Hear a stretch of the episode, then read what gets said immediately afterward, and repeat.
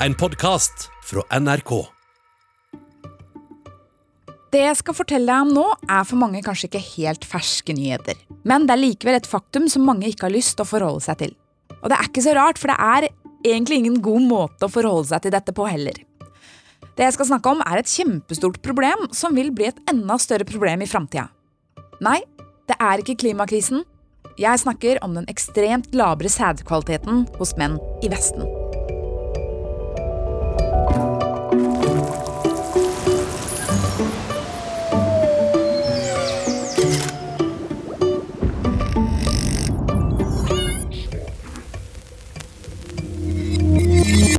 Er podkasten Smartere på ti minutter, hvor jeg, Selda, forteller deg om fakta, vitenskap, historie og morsomme temaer som gjør deg forhåpentligvis litt smartere i løpet av ti minutter.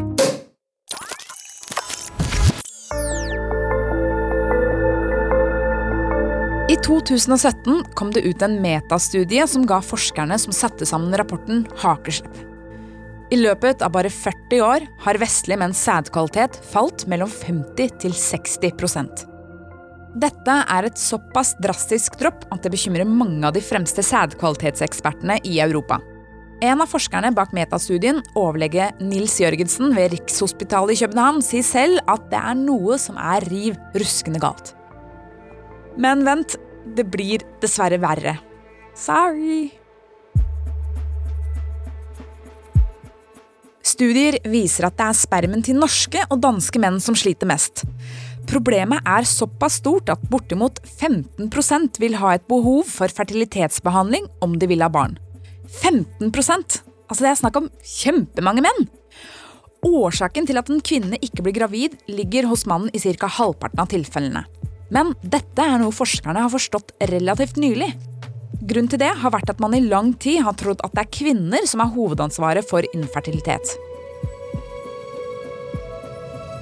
Dette har hatt sine konsekvenser, for forskerne har da i hovedsak undersøkt kvinners manglende evne til å få barn. Forskning på mannens fruktbarhet er en av de få tingene det er forsket mindre på når det kommer til menn i forhold til kvinner. Selv om forandring tar tid, så endrer ting seg heldigvis. Det var faktisk så sent som på 90-tallet at man kom fram til det første reelle behandlingstilbudet til menn med dårlig spermekvalitet. Dette kalles for mikroinjeksjon, og da tar man én sædcelle og putter den inn i et ubefrukta egg. Så hvordan finner man ut om man har god eller dårlig sædkvalitet? De fleste aner kanskje ugler i mosen i den perioden man prøver å få barn. Man prøver og prøver, og ingenting skjer. Til slutt så må man til en lege, og det første de gjør, er å sjekke mannens sædkvalitet. Jeg antar det er fordi det er enklest. Deretter ser man på spermens pH, konsistens og ikke minst hvor mange svømmere det fins i sædprøven.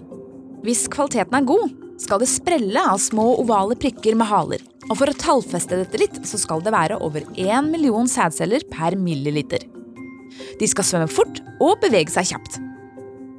Er kvaliteten dårlig, vil man enkelt se i mikroskopet at det nesten ikke er noe liv i prøven. Men hva er grunnen til dette kvalitetsfallet? Og på så kort tid? Jeg mener 40 år er jo i det lange løp egentlig ingenting. Øh, jeg må skuffe deg som hører på.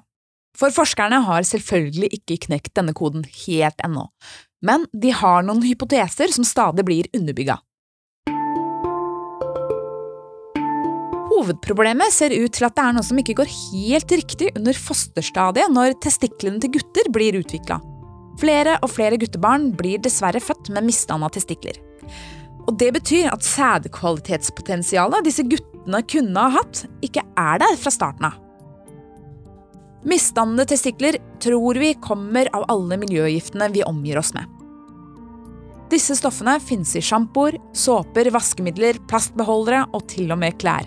Og det er ikke sånn at de hver for seg er farlige for oss, men til sammen så blir de en cocktail av stoffer som kan virke hormonforstyrrende.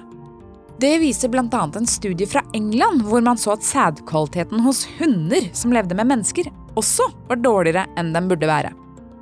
Det finnes også andre årsaker til at sædkvaliteten kan bli dårligere.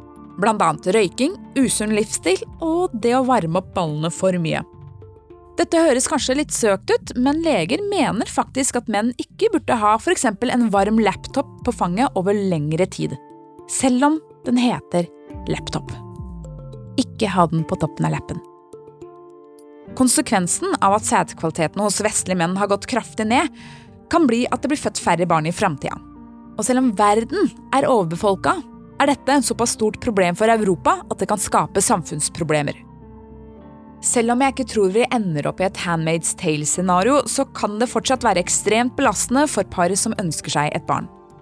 Og siden man veit at sædkvaliteten synker med alderen, så er det nå en del menn som fryser ned spermen sin i ung alder, for å bruke den igjen ved en senere og mer passende anledning.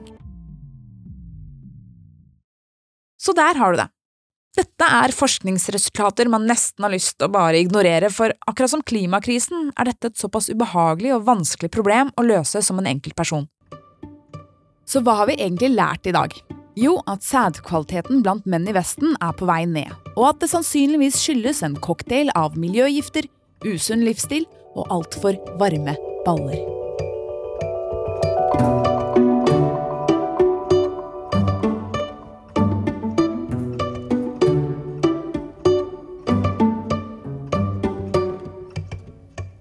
Du har hørt en podkast fra NRK. Hør flere podkaster og din favorittkanal i appen NRK Radio.